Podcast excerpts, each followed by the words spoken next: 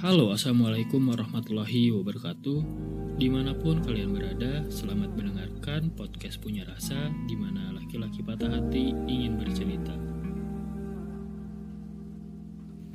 Dua piring surabi dan segelas es teh manis.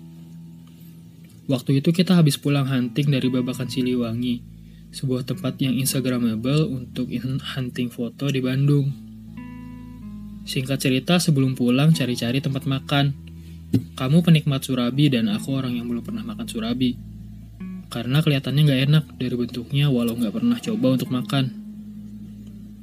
Suara kamu tuntun aku ke sebuah pujasera di bawah skywalk, belas di samping dealer motor. Ya, warung surabi tempatnya. Tempatnya enak, ada live kustiknya, tapi nggak tahu kapan jadwalnya. Kamu dengan sigap ngambil banyak menu dan pulpen untuk pesanan, kita duduk di luar berseberangan dengan aroma khas dapur yang lagi ngebul. Walau di sana banyak makanan selain surabi, rekomendasi pertama kamu tetap makanan yang kamu sukain itu. Mau gak mau, harus coba. Pilihan jatuh kepada surabi manis rasa keju dan kamu pilih telur oncom surabi asin. Gak lupa minumnya es teh manis aja biar murah.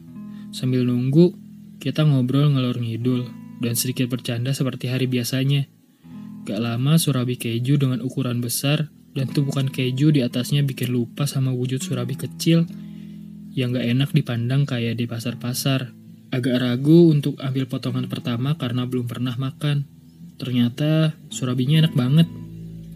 Mulai hari itu warung surabi jadi salah satu tempat makanan favorit kalau habis main di dekat daerah Ciambelas. Makan sambil nongkrong, ngobrol, ke sana ke sini tahu-tahu surabinya habis. Rasanya kurang. Coba mesen surabi asin telur mayo. Rasanya juga enak banget.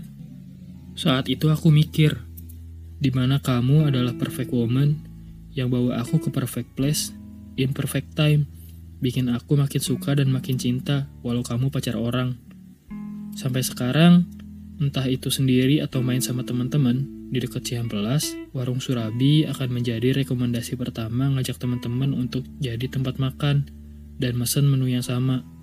Satu surabi manis rasa keju, satu surabi asin pakai telur mayo, gak lupa minumnya es teh. Dengan harap momen itu bakal kerasa lagi walau ke sana dengan orang yang berbeda. Karena surabi bukan lagi sekedar makanan, tapi udah jadi memori yang gak bisa dilupain. Tapi sekarang mau gak mau memori itu harus dilepas dan nyoba untuk gak ngerasain momen itu lagi suatu hari nanti kalau aku pergi ke WS. Karena Surabi harus menjadi memori dan gak boleh terjadi lagi.